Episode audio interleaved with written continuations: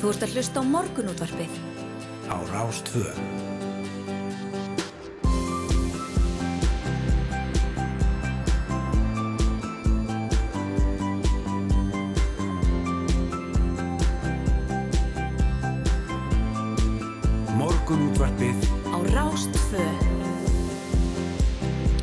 Ég bjóðum góðan og blessaðan daginn hér í morgunútvarpinu Snæður og Sundardóttir og Hulda Gerstóttir sastar hér niður mánudaginn 21. februar.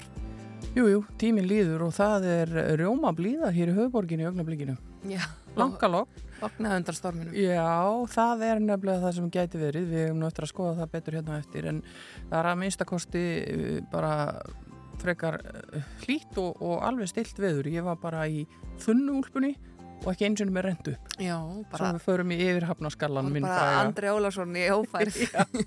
Ég var alveg þar þannig að, að það er að minnst að kosti ekkit að, að því í bíli en við förum nú betru veðri hérna rétt á eftir en Já, já. við ætlum að koma viða við í þættinum í dag eins og við gerum alla daga og segjum alltaf og uh, við ætlum meðal annars að byrja fyrir norðan Já, emitt, um helgina fóru fram nokkrar atkvæðagreislur um saminningu sveitarfélaga og meðal annars var saminning Akrareps og sveitarfélagsins Skagaferðar samþygt.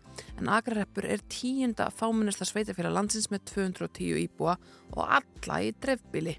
Til gamans ætlum við að heyra í Agnari Há Gunnarsinni bónda á Miklabæi og fyrirverandi oddvita Akrareps en hann er eitt þeirra ríflega 50 íbúa sem ekki voru lindir saminningunni.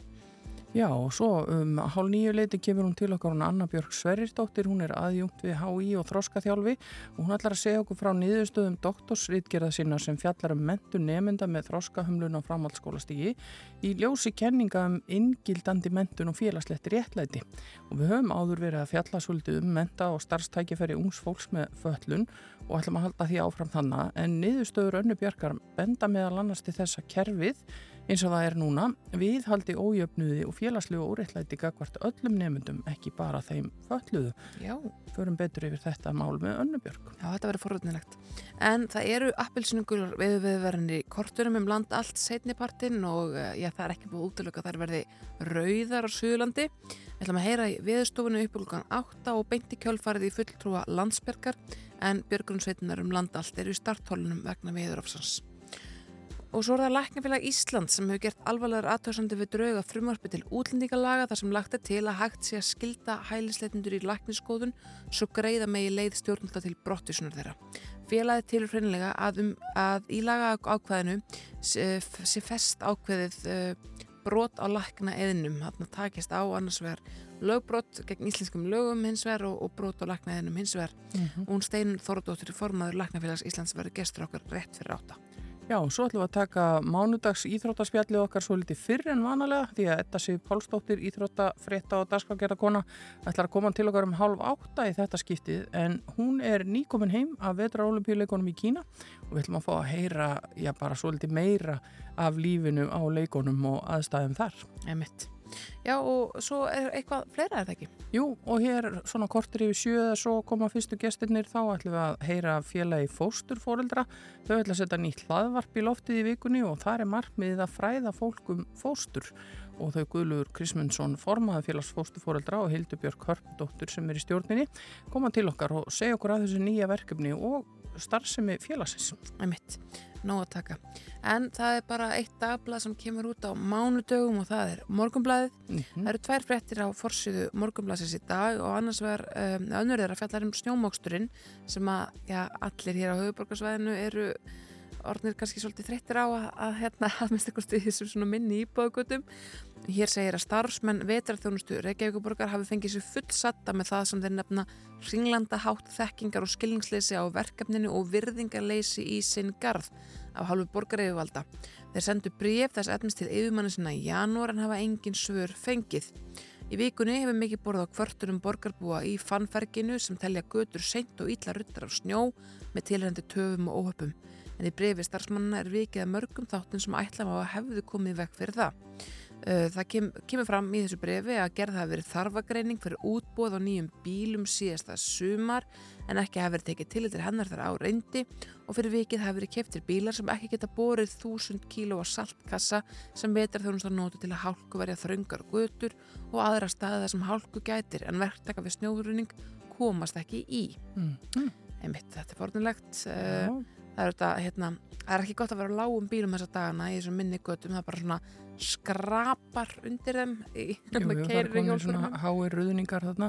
Ég ætlaði nú einmitt að nota tækifærið og rósa uh, samt snjómokstus fólki. Ég tók einmitt eftir því þegar ég var að leiðninga snemma í morgun að það var að byrja að, að skafa göngu og hjólastígana í mínu hverfi að minnst kosti og, Já, og uh, það hefur gengið ágætlega svona í kringum mig en ég veit að þetta er mjög misjönd maður sér það að margir er í vandraðum en þá með að bara komast út úr götunni heimi á sér. já, En vonandi stendur þetta til bóta, kannski kemur bara asa hláka og leysir þetta fyrir okkur öll, hver, hver veit. já, er það ekki svolítið það sem að er í kortunum varandi þessa appisningulu viðvörun það talað um að það geti tekið slatta upp að geti orðið mikið vassviðri um, og fólk að vera áhugjur af niðurföllunum því að þau eru grafin einhvers staðar langt undir snjó, undir snjó. Já, já, þetta ræðum við, við uh, veður fólkið í dag, Einmitt. en það er líka hér tíðindi að utan, uh, utan þessi úgrænu deila sem hefur verið svo mikið í fréttum, það kemur fram hér á vefnum okkar rú.is að uh, fórsetar bandaríkjan á Rúslands, Joe Biden og Vladimir Putin, hafa gengist inn á að hittast fljótlega í eigin personu til viðræðina um stöðuna í úgrænu deilunni og mögulega lausnir á henni. Að því gefnu að ekki komi til innrásar rúsa í Úgrænu. Þetta er nú svolítið sérstatt. Já, Uh, skrifstofa Emmanuels Macrons Fraklandsfósetta sendu tilkynningu þess efnis í framhaldi að viðraðum Macrons við Putin í gerkvöldi en fyrir hugaðu leiðtóa fundur þeirra bætins mun vera að undilegi Fraklandsfósetta og þetta má lesa síðan ítarleiri frétt hérna eins og ég saði inn á, á rú.is Einmitt.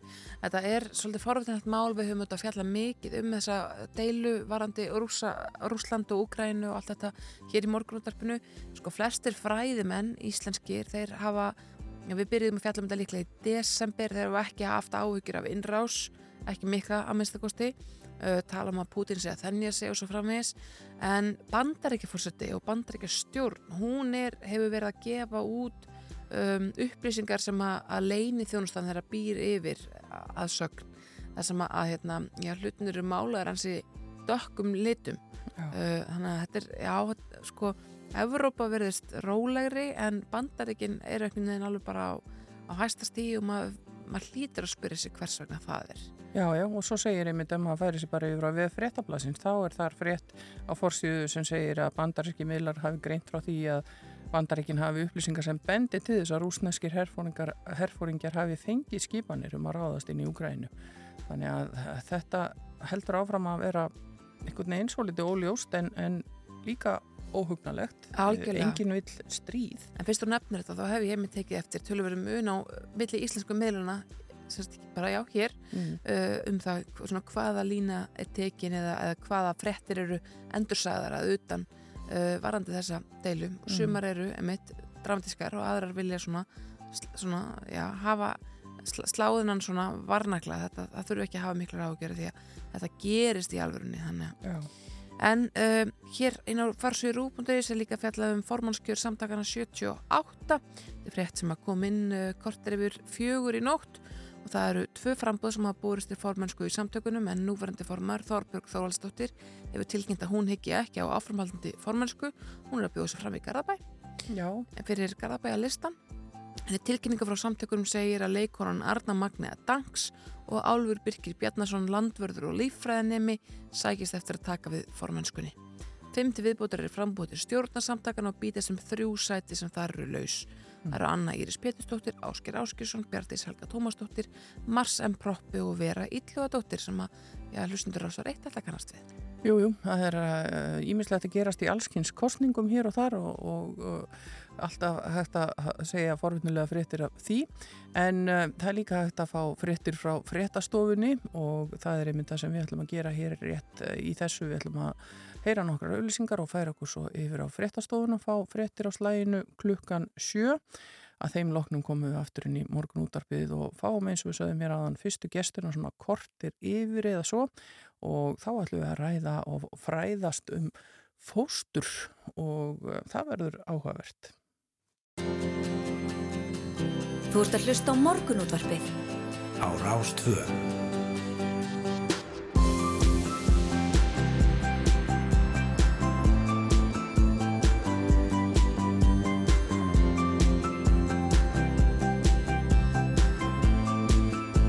Rástvö. Morgunútvarpið á Rástföð.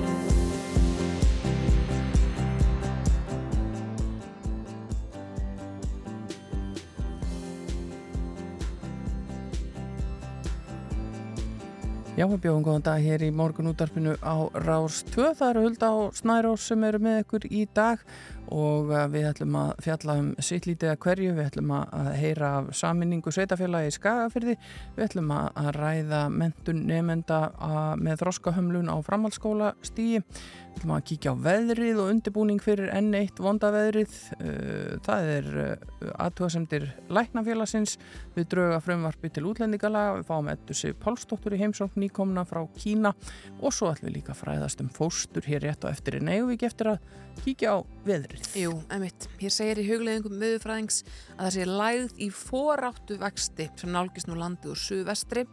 Fyrirpart dags verða við að suðaustan 8-15 metrar á segundu og skúrir eða jél en bjart veðri fyrir norðan en síðdeis versnar veðrið ört og í kvöld verður suðaustan rók eða ofsa veður á suðurhelmingi landsins með talsverðri rigningu, slittu eða snjókomu og hita rétti við frostmarki. Veðrið versnaröldi setna Norðalands en þar verður komin austan og suðustan stormur eða rók með snjókumi og skafræningi nálagt miðnetti. Í nótt gengur læðan til norðurs yfir vestanvertlandið og þá snýst í suðvestan og vestan 18 til 28 metrar á sekundu með regningu eða snjókomu sunnalands kvassast við suðvestuströndina. Í fyrramálið snýst einni í kvassa suðvestan átt norðan til á landinu og jáframt stittur upp um landið norð-austanvert. Viðvarnir hafa verið gefnar út fyrir alla landsluta og það verður víðast hvar afar slemt ferðaveður í kvöld og fram á morgundaginn en setjumpartun á morgun dregur úr vindi með jæljum sunnan og vestanlands og kólnar smám saman. Þannig að öll mín lofur það um að það takir eitthvað upp hérna á höfbrukarsvæðinu mm. þau verða kannski að engu á þriðtuskvöld. Já, þetta var svo sem ekki, það voru ekki alvarleg lofur, nei, þetta nei. voru væntingar, vonir og væntingar. Ég er bara svona bjart sem típa aðeinsvari en uh, var að reyna að sjá eitthvað gott í þessu hérna, óveðri sem að nálgast okkur en uh, já, þetta endist ekki lengi. Nei, ef við kíkjum á við vegagerðarnar þá segir þar að það sé vetrafærð víðast hvar á landinu og uh, það er greiðfært á suðvesturlandi en víða eitthvað um hálkubletti og það eru hálka og hálkublettir á flestum leiðum á vesturlandi og eitthvað um skafrenning og snjóþekja er á fróðárheiði. Svo er á vestfjörðum er ófært um klettsháls, það er snjóþekja eða hálka á öllum helstu vegum og ófært norður í Árnesrepp og vegurinn um Dinjandisheiði er lokaður. Á Norðurlandi eru hálka eða hálkublettir á helstu vegum, snjóþekja er á Öksnadalsheiði og víða í Eyjafyrði og á Norðausturlandi er snjóþekja eða hálka á flestum leiðum. Ef við færum okkur yfir á Östurland þá er þar snjóþekja hálka eða hálkublettir víða og þæfingur á Fagradal og unnið er að Mokstri. Á Suðu Östurlandi er hálka eða hálkublettir víða greiðfært þó á köplum og Á Suðurlandi er greiðfært víða á ringvegi en þó hálka eða hálkublettur á stöku stað. Þæfingsfærð er víða á útvegum og flughált er á bakkavegi sem er vegur nr. 253. Já. Þannig að það er bara hávetur hjá okkur en þá og við þurfum að hafa þetta allt saman í huga ef við ætlum að vera eitthvað á, á ferðinni. Æmitt. Ég var einmitt að velta þessu fyrir mér þegar ég vaknaði morgun hvort að, að voruð get ekki farið að svona gefa þessi í. Bara koma. Ég veit að það veit að februar en þetta er bara mér fara að lengja hans mikið eftir já, já, já, já, enda, enda hafa margir flúið í sólina undanfarta vikur eðlilega, en það kemur, það kemur voru, við vitum það, það skila sér alltaf fyrir rest, en uh, ég var að horfa í gæri eins og ábyggla mjög margir á, á þáttinum uh, um hérna verbúðina, sérstaklega gerð verbúðarinnar Emitt. en svo voru líka aðri þættir sem að vöktu líka mikla lukku og hafa verið í gangi undan fannan vikur uh, svörtu sandar Já.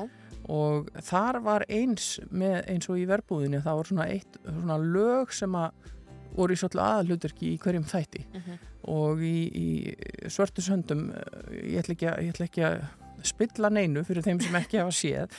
En þar lag, var lag, ég var að klára að horfa þá þætti í gerðinöfla og sem að, að eh, leikur stótt hlutverk í, í lokin og ég ætla að leifa mér að spila hérna og uh, það er Gömulperla úr söngbókinni þetta er eh, Vilhjálmur Viljámsson og læðum Littla drengin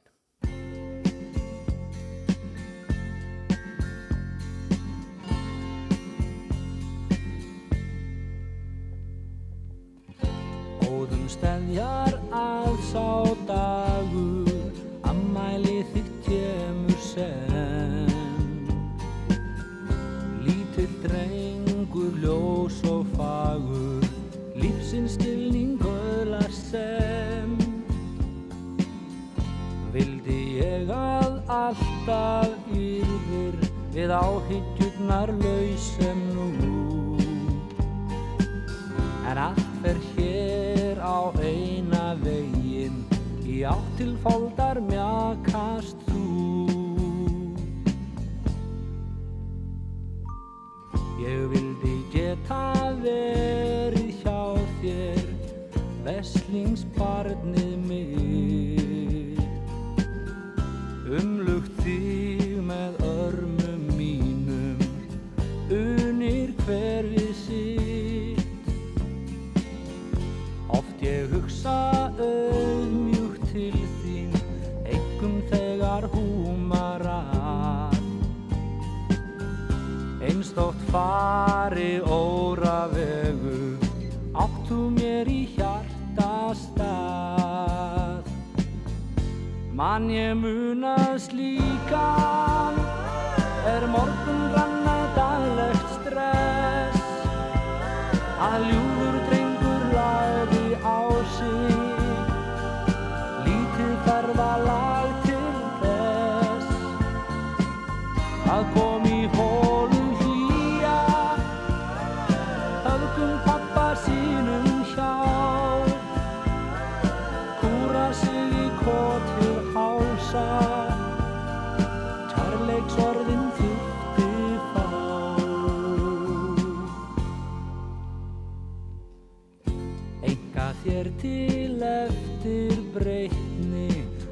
Alla betri menn en mig.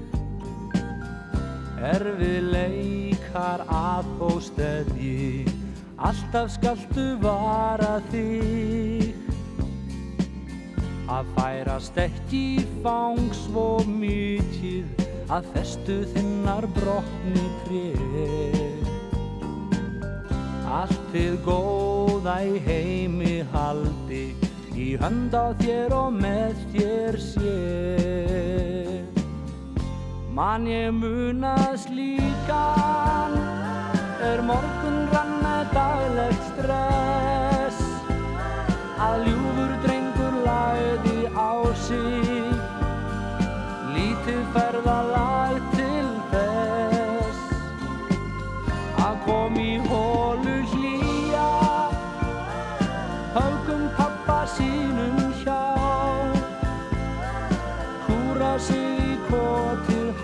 hálsa Kærleiksorðin þýtti fá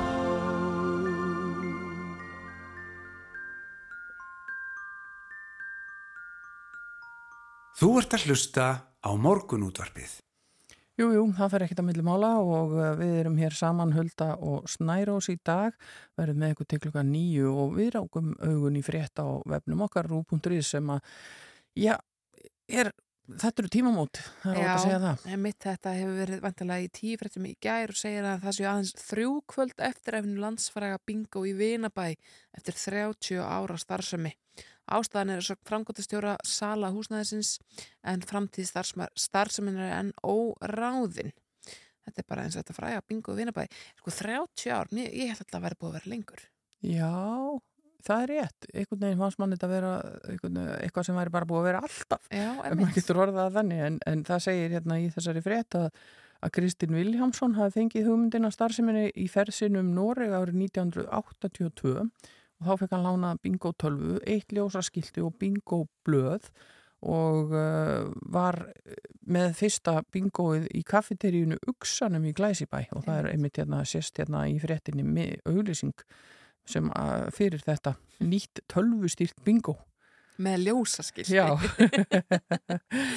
en uh, það var margir haft mjög gaman að því að fara uh, í bingo uh, í Vinnabæi, þannig að, spurningin er hvort að bingo haldi heldur áfram einhver starf annar staðar. En ástæðan fyrir þessu öllu mun vera sala á húsnæðinu. Emitt. Og uh, þá er bara ekki hægt að vera þannig lengur. Nei, ég sá eitthvað aðra frétt um þetta að það er hérna, tölvöld hátt húsnæðisverð á þessum sal en hann er mjög merkilegur, hann er á svona stöllum, þetta er eiginlega Mhm. einhvern veginn, já, þetta er svona stúkur alveg bara hver og eftir annari Já. þar sem að fólk setur, ég hef ekki farað í bingo en ég er komið inn í hann sal og hann er bara já, hann er bara mjög merkilegur fyrir margar hluta sækir.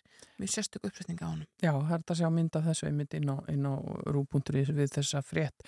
En hér rétt á eftir fáum við fulltrúa frá félagi fósturforeldra sem ætla að spjalla við okkur. Uh, við ætlum að heyra í eh, Karol King henni einu sönnu og einu hennar þekktari lögum og án og mörg góð. Þetta heitir You've Got a Friend.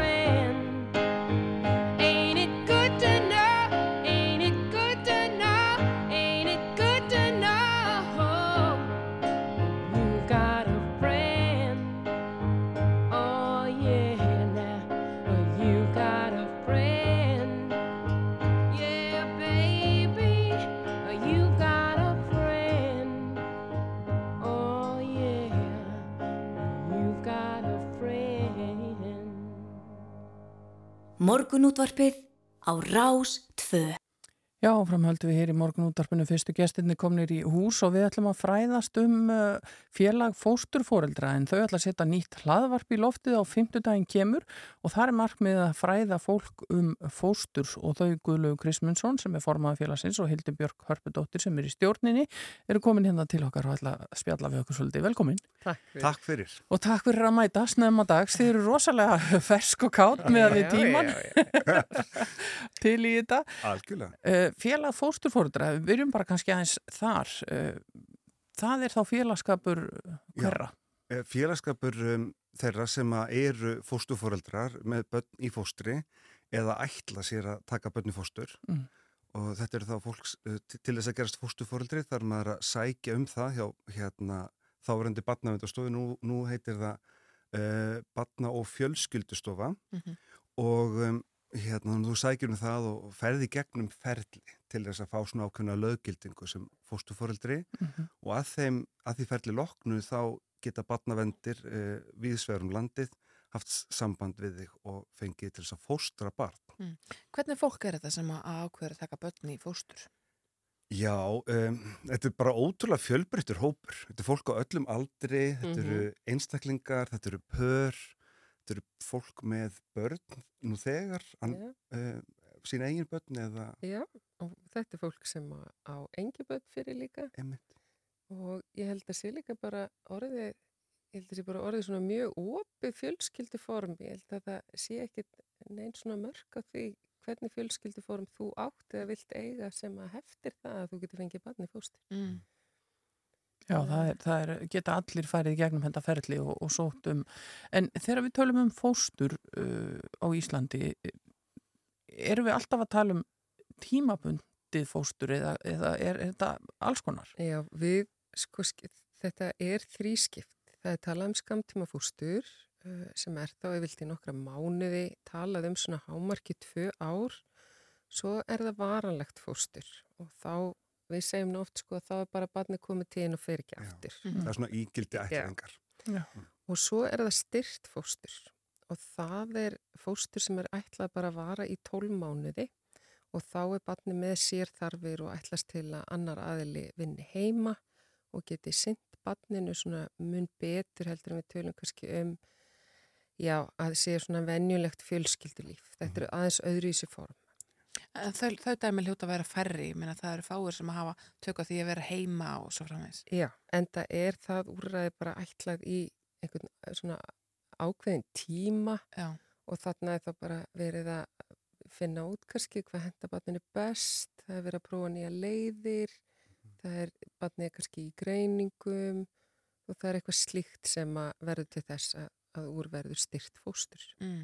Styrt fóstu getur líka verið bara, þú veist, fólk uh, takja þessi barn til dæmis einhverja helgi, eina helgi í mánuði, tvær helgi í mánuði, vegna þess að fjölskyldu aðstöður eru kannski þannig að barn þarf að komast úr þeim aðstöðum tímabundið til þess að bara, að því að annarkort er vandi bassins eða einhver vandi á heimilinu sem þarf bara ákveði rými til þess að takast á við. Mm. En það lítur að vera krefjandi, en, en er þetta gefandi? Já. Já. það er eiginlega svolítið, sko, félagið hefur náttúrulega, þú veist, það er alltaf einhvers konar svona, það er, það er svolítið hressilegu félagskapur, fólk sem hefur svona, svona tilbúið að takast á við verkefni og, og takast á við hérna eh, bara lífið. Mm. og það sem að, það byrður upp á. Þannig að já, þetta eru litrikið karakter oft og fólk svona sem er tilbúið að takast á við svona, svona eitthvað í fangið. Já. Og, en samt ótrúlega fjölbreytur hópur. En fóstumál eru náttúrulega svo ofbúslega tilfinningamál. Bara, og sérstaklega fyrir okkur fóstu fóreldrana. Þú elur ekki upp nema að tengjast í mjög bara miklum tilfinningaböndum og þannig að þetta verður oft svona eldheit ástreiða sem að ég held að félag fóstufóreldra búið svo sannarlega yfir. Já. En er þá ekki derfitt að, að taka börn í þetta tímabundafóstur og tengjast þeim e, í, í ykkur tíma og svo fara þau e, aftur frá ykkur? Já, sko flest börn, fóstubörn á Íslandi þau byrja í skamtímafóstri og meðan er ver- er verið að vinna málið og finna út eins og Gulli var að segja á þann að börn koma náttúrulega ekki af ástæðu lausu í fóstur og já, mörg málana enda þannig að barni kemur svo tíðinni varalegt fóstur. Já. Þannig að- við höfum stundum bara heldur ekkit val. Ég held að þessi fái fóstifóreldrar sem bara byrja í varanlegu fóstri með bann. Þetta er líka svolítið, þú veist, þe- þetta ferðla gerast fóstufóreldri, þú þarfst að fara, þú veist, það er mat á þér, alls konar mat, þú veist, sálfræði mat og og bara mat eða þú ert í sambandi, þú veist, í hvernig sambandi ertu, hver er forsaga þín og þú þarfst að gera ákveðna lífsbók og það er svolítið svona, taka upp úr kössunum svolítið í þessu ferli sem gerir það að verkum að þegar þú ætlar, hérna, þegar þú tekst á við fyrsta batni eitt í fóstri, að þá ertu svolítið viðbúin tilbúin að takast, veist, tilbúin að opna hjarta þig og gera þig berskjaldaðan eða berskjaldaða og með því náttúrulega ertu að veita besta fóstur. Þegar þú ert tilbúin að takast á við hjartasorgina eða ástasorgina ef að til aðskilnaða kemur en ekki barnið. Og með því ertu náttúrulega að veita barninu besta fóstrið þannig að þetta er svolítið, þetta er líka svolítið hugafar sem fólk, fólk þarf að fara inn í að fóstra barn að vera tilbúið í sársökan sjálft og bera það fyrir barnið Já. En eru margir, er, er þörf á vöndun á fósturfóreldrum eða eru nægilega margir að sinna þessum Já. málaflokki? það er, það er vöndun á fóstufóröldum, það, er- það er það og hérna á þess að við ætlum eitthvað að fara að tala fyrir batna og fjölskyldustofu en þá eru þau bara að reyka, þú veist, þau taka við þessum umsóknum og hérna og set- setja fólk í gegnum þetta ferli við vitum það að, að bara það er, já, við, við verðum verð við það að, að þau fagna því þegar fólk stígur fram og óskar eftir því. Einmitt. En nú er það að setja í loftið hlaðvarp síðar í vikunni. Já. Sko, hvað hva, hérna, er þetta ekki bara enni hlaðvarpið? Hvað hva, hva fyrir Þetta fram er í því? miklu meira spennandi en það. Segðu okkur frá þessu hlaðvarpið. Já, við erum að setja þetta hlaðvarp fram því að okkur langaði að svara spurningunum sem fólk þorir ekki að spurja um fóstur. Mhm. Og við fáum aftur svona spurningar. Eru við venjuleg fjölskylda? Er þetta börnin okkar? Hvað eru mörg börn í fóstri á Íslandi? Og ég held að svona meðaljónin gerir sér ekki grein fyrir því að Íslandi eru fjögur til 500 börn í fóstri. Og þetta er bara, Eitt grunnskóli. já, bara Þetta er nokkuð bara- stór grunnskóli með þess að Já, nú, já. Þannig að málefni er víðar og í þessum podcastáttum erum við að svara einmitt hver er munurinn á varalegu fóstri og skamtímafóstri og við erum að fara svona persónlega yfir það hvernig var að ganga í gegnum þetta ferli. Að því eins og Gulli segir að, rífa upp alla sína tilfinningar og, og gamla, svona kannski gömul áföll og annað og, og vera alltaf inn og mætti með félagsrákjafa hérna heim til Já. sín og áfara að meta líf þitt og svona. Það er svo margt í þessu. Svo erum við að ræða eins og samskipti við kynfóreldra, félagsrákjafa, skóla og emitt, er þetta alvöru barnið okkar? Já, og þetta er svolítið hérna, við lendum oft í þessar spurningu og þessum vangaveltum við bara fjölskyldu okkar, Mm. bara fjölskyldu okkar, kynfjölskylda okkar fóstufóreldra, Mm. er oft stundum, kann ekki að spurja eða veit ekki hvað má ég spurja. Mm. Við finnum fyrir því að annað, fólk sem er ekki tengt okkur, það bara hendir í bara ótrúlegasta spurningar og það eru mjög eðlilegar. Það er mjög eðlilegt að fólk sé að velta þessu fyrir sér en við vildum svona búa til vettvang til þess að taka saman bara hvað, veist, þessar spurningar sem að eru svolítið óljósar og líka svolítið svona, já, bara svona búa til ramman, lega fólk að skilja hvað eru bak við þetta. Þannig við erum tilbúið með fyrstu seríu og erum að fara bara, bara ætlum að á næstu, næstu vikum að strax að fara að taka upp þá næstu. Mm. Því að við finnum alveg fyrir því að það, er, þú veist, um, að fólk er, fólk er forvitið Já. um hvað við erum að, hvað fóstu, hvernig eiginlega fóstufóreldrar eru og Mm. hvernig er þetta fólk eins og þeir eru búin að spurja. Já, Já. einmitt. En svo er kannski rétt að nefna í lokinu því tíminn flýgur að, að, að svo er þessi algengi málminnskilningur. Það er ofta að tala um fóstufóreldra þegar átt eru við stjúpfóreldra. Akkurat, já. Við verðum mjög var við Já, þetta. við verðum það. Og þetta er náttúrulega eitthvað sem að, hérna, er náttúrulega svolítið bara í, fast í, fast í um, orð, hérna, bara í málun okkar. Og ég held að sé þetta stigma um að fóst að stjúpa eða stjúpi sé eitthvað svona eitthvað slæmt vont. fyrirbæri. Já, það er eitthvað svona úr öskubu sko. eitthvað öskubusku eitthvað en hérna, en við sko, við, það eru sannlega bara þeir sem að er að taka sér óskilt batni eða batni sett í gegnum mm. Mm. batnavendir sem eru fóstufórildar já. Á Norðurlöndurum þá heita stjúkfóreldrar bónusmömmur og bónuspappar. Já. Já, jú, við getum kannski fara að færa okkur aðeins meiri yfir það. Já. En þið eru líka með, með vefsíðu fyrir félagið. við erum með vefsíðu og Facebook síðu Eh, vefsíðan er endurgerð en Facebook síðan er eða svo sem að hérna, við beinum fólki á núna Já, að koma á eh, fe- vefsíðu eða hafa samband við okkur senda okkur skilabóð þar í gegnum Facebook síðan. En, endilega kíkja á það þau ykkar sem hafa áhuga að kynna sér þetta frekar. Takk fyrir að koma, Guðlaugur Krismundsson og Hildur Björk Hörpudóttir frá félagi Fórsturfóreldra og fara svolítið yfir þetta með okkur og, og hlaðvarpið dettur inn á 50 daginn kemur Já. og verður vantanlega aðgengilegt á öllum veitum og við finnum það þá á Facebookinu líka hvað það heitir og hvenar það er komið og allt svolítið. Takk hjá fyrir að koma til okkar. Takk sem leiðis. En við ætlum að spjalla svolítið við hana Ettu Sif Pálsdóttur.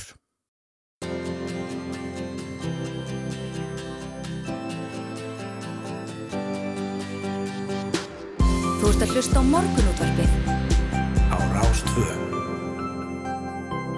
Jú, jú, við höldum áfram hér í morgun útvarpinu og því miður þá eru vetrar olimpíuleikarnir í Peking búnir. Ó, En, já, það er bara þannig. En okkar kona, þetta sé Pálsdóttir, uh, var stóðvaktina allan tíman upp í hæstu hæðum hann í Kína og er komin til okkar í hljóver. Góðan daginn þetta. Góðan daginn. Hvernig, eh, hvernig er sólar, sólarringurinn? er þetta ekki bara allt í skralli? Þú sagði svo því miður, ég hugsaði já, því miður, ekki því miður. en þetta var krefjandi verkefni. já, og sko, ég er orðin þreytt á sjálfri mér. Að mér finnst einhvern veginn svona eins og ég sé alltaf að kvarta yfir einhverju, eitthvað ódvíðlega, eitthvað umuleg típa. En svo þegar við lendum í hérna Helsingi, flugum Helsingi köpen heim, þá var svona heil sætaröð af held ég sænskum strákum fyrir fram að mig og við lendum og þeir sögðu we made it. Þá hugsaði ég, þetta er ekki bara ég. Bara, það voru allir svo feignir Já. að einhvern veginn vera að komast aftur heim. En þetta sko, við þekkjum auðvitað ólipjuleika, kannski ekki síst sumar ólipjuleikana, þetta er, þá er einhvern veginn kefnisvæðið meira svona bara á einum stað eða uh, í leikvöngum sem að uh, eru kannski ekki margra rútna kláfa lesta ferð í burtu eins og þarna. var það kláfur, kláfur, kláfur. lest, rúta, rúta, rúta En, en þannig að þið voru að fara, sko, hvar voru þið staðsettar, þú og Marja Guðmundsdóttir Prótersson sem var með þér, þið hljótu væntalega þá að hafa verið í einhverjum höfustöðum fréttamanna já, og þurft að gera út þaðan. já, við vorum í Beijing Mm. og svona fyrirfram þegar ég horfði át á kortið þá hugsaði ég, þetta er pínu skrítið af því að keppindunar okkar eru svo í tveimur öðrum þorpum, einhverstaðar bara upp í fjöllum. Og ég hugsaði einhvern veginn hlýtur að vera einhver ástæða fyrir þessu þú veist, eða er ekki hótel þar eða maður vissi einhvern veginn ekkert hvað maður var að fara út í.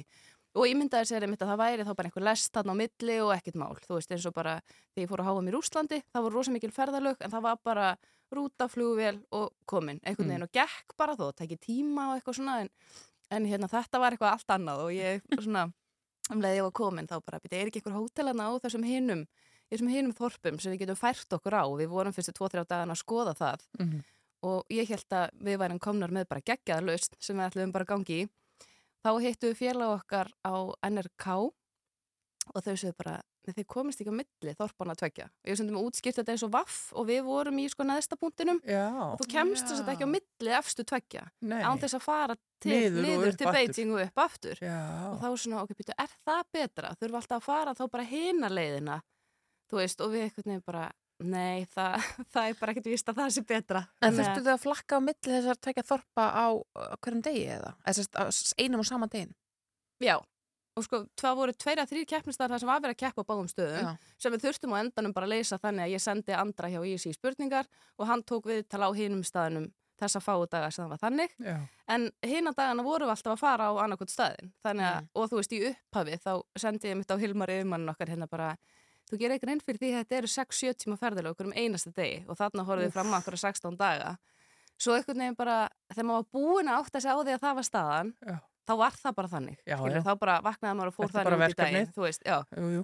en svona ef þú hefur sagt það við mig fyrirfram bara eitthvað að fara inn til Kína og þetta er svona ég fann ekkert alveg viss sem við að tekja sko. En, en þetta er auðvitað mikil upplifun að fara á ólupjúleika. Þetta er, þetta er sérstakt. uh, uh, Auðvitað ekki alveg eðlilegar aðstæður í, í miðjum heimsfaraldri. Hvernig var það til dæmis með ykkur? Þurftu þið að fara í prófa mörgu sinnum? Eða? Já, við þurftum að fara í próf okkur um einstu degi og það var svona lítill skúr fyrir utan hótelið okkar sem var það eina sem við máttum fara fyrir utan hótelið það er bara girt af og bara lauruglumenn og bílar og svona fyrir utan hótelið þannig að við færum ekkert Já. þannig að við byrjuðum alla mótna á að fara þarna út í þennan litla skúr í próf og það var alltaf það held ég sem að gerði þetta svona pínu ókveikjandi, þú veist, ef maður væri að fara bara til Kína og olimpíuleika í svona venjulegu árferði, Mhm. þú veist, þá hefði maður alveg vita að það erði kannski pínu skrítið eða öðruvísi og annar matur og önnu menning og eitthvað svoleiðis en það var þetta COVID-dæmi sem að gerði þetta daldið svona þú veist, maður var daldið hrættur af því að ég held að maður erði bara settur í einangurinu sínu hótelherbyggi Mhm. þú veist, og ég bara vissi hvernig mitt hótelherbyggi var og ég hafði alveg það, sko Mhm. en svo bara á fyrsta degi þá komst ég að því að það er bara bankað og það bara náði í þig og farið með þig eitthvert, eitthvað gám og í einhvern veginn svona aðstæðum sem þú þekkir ekki neitt og þegar maður var að átta sig á þessu að bara sími virkar ekki. Þú veist, ég kemst ekkert inn á Google og ég kemst ekkert inn á netið til að láta einhvern vita ég sé komin eitthvað, ég veit ekki hvert. Það var það sem var aldrei svona Já. þú veist, maður laðist upp í rúm á kvöldin og ég, alltaf ef ég heyrði eitthvað lappa fram í hótelherbygginu þá hugsa ég, er það komnir, Það veist, og í búningunum þú veist, þetta er ekkit rosalega svona líbó sko. Nei. Það var auðvitað einn okkar keppanda sem að fekk COVID og, og var bara einmitt í þessum gám. Já. Getur þú líst aðeins þeim aðstæðum allum? Sko, hann hefur borið sér vel og verið rosa brattur og maður getur kannski ekki annað þegar maður er þarna, þú veist, að það er bara, maður er bara einhvern veginn að reyna að komast í gegnum þetta. Mhm. En svo flugum við mitt með honum heim og þetta, ég get alveg sagt að þetta var bara algjör viðbjóður, sko, og ég er ekkit vissum, ég hefði ekki komist í gegnum þennan tíma líka því þetta kláraðist ekki þegar hann var búinn, hann er í einhverjum gámi, fær ekkit að borða, þú veist, þú getur ekkit pantaðir kaffi, þú veist, það kom bara eitthvað máltíð tvisar á dag og Og- máltíðarnar og þetta þarna voru bara. Náttúrulega þetta bara fyrir afreiks íþjórtamann. Já. Þetta Og- þú veist, það er náttúrulega bara annað maður hérna núna með matareitrun og eitthvað, við sáum fólk sem var að keppa hann á síðustu dögunum bara komið matareitrun og eitthvað og hann, þú veist, fjekk eitthvað þú veist, veit ekki hvernig ég á að lýsa því en þú veist, tvisar á dag kom eitthvað máltíð og hann var bara dreipustur hungri gæti ekki talað við, þú veist, hann komst að því að bara Snapchat og, og hérna Tinder virkaði. Já, það er lítið gagn í því þegar maður er lokaður inn í gá. dálítið lítið Ah. gagn í því, sko. En, og svo er honum sleft loksins, eftir viku. Stuttu setna, þá koma þér aftur og taka hann aftur í einogrun og bara, ha, bara nei, það má ekki í búin með þetta. Og þá eru þeir að fylgjast með þessum gildum eins og var á EM í handbólta í januar þau rokka eitthvað til og frá og það er náttúrulega vistu öryggi í því að þetta sé svona rosalega stránt, þú veist, maður veit það einhvern veginn að þeir eru að gera sitt besta og það allt saman ekkert að Mhm. hvart yfir því Nei, nei. en þegar það kannski svona snýra manni sjálfum í einhverjum svo skrítnum aðstæðum, þá verður það pínu óþægilegt En það er líka skrítið eins og, ég meina, afreiks íþjórtafólk, það verður að borða oftar en tvisar á dag og það verður að fá almenna næring og svo framvegis ef það á hreinlega að geta komið aftur inn í mótið og, og. Já, og svo ætlaði hann að ná hann einni grein og ætlaði bara að negla á það og fer af stað og finnur bara hann er allur svona einhvern veginn rýr og skrítinn og eitthvað og er auðvitað kviðslitinn út af því.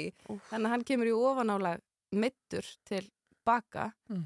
og svo þarna sko nóttina áðurnu ferðumst heim, þá var aftur hringt í hann. Bara heyrðu þessi gildi eru aftur af því hann fór alltaf tvisvar í dag á próf, í Já. próf bara alltaf daga og hann bara, heyrðu ég, það er enginn að pæla í þessum gildum úr Íslandi og, hérna, og allir bara fara stjórnum læknirinn og allir fóru í það bara en komið vekk fyrir það að hann erði bara hann eftir í einhvernum gámi, þú veist, og við ferum minn bara heim og þetta er hryllingur, sko. Þetta er alveg, þetta er martröð. Já, þú veist, ég bara- martröð. En sko, alþjóða, alþjóðlega ólimpíusambandið, er það ekki að skoða þessa framkvæmt, þennan hluta leikana?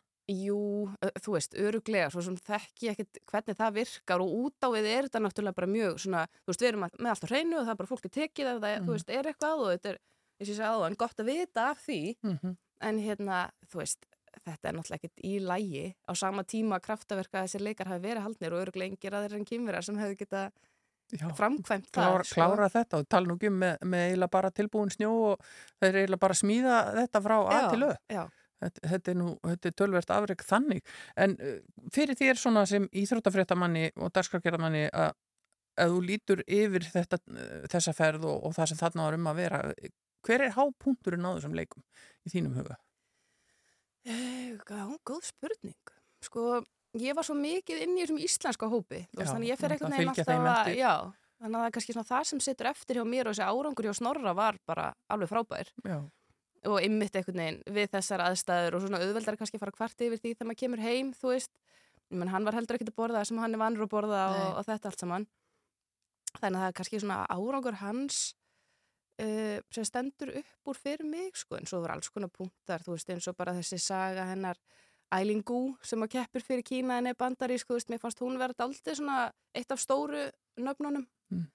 og, og þessi saga öll í kringum Mikaelu Sifrin sem að, þú veist, það byggust allir við að hún myndi koma að vinna allt Þetta mér finnst sagan svona- ekkert verri að þessu, sko, þó að þetta hefur farið svona, því að hún einhvern veginn tók þessu, fannst mér þetta aldrei gæjalega Já.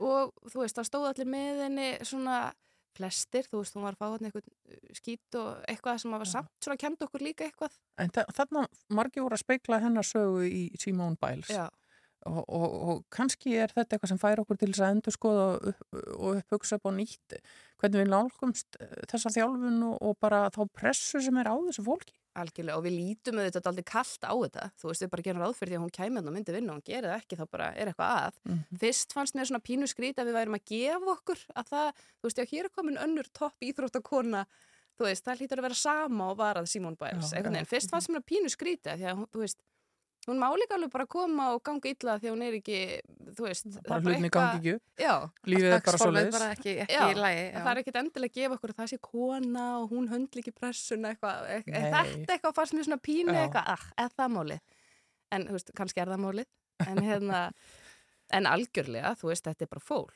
Já, já. við lítum á þessum vélar, sko Já. Já. Þetta sé Pálsdóttir, uh, íþjóttafrettakonna og dagsokera hér á Rúf. Velkomin heim. Takk kærlega fyrir komuna í morgun. Vonandi verður ekki marga daga að ná að snúa sólarhingnum á rétt, vonandi ekki. Nei, rétt nei, ég ætti nú að ráða við það Lökum til að sjá því á skjánum aftur. Takk fyrir að kíkja á okkur snemma dags. Var nú lítið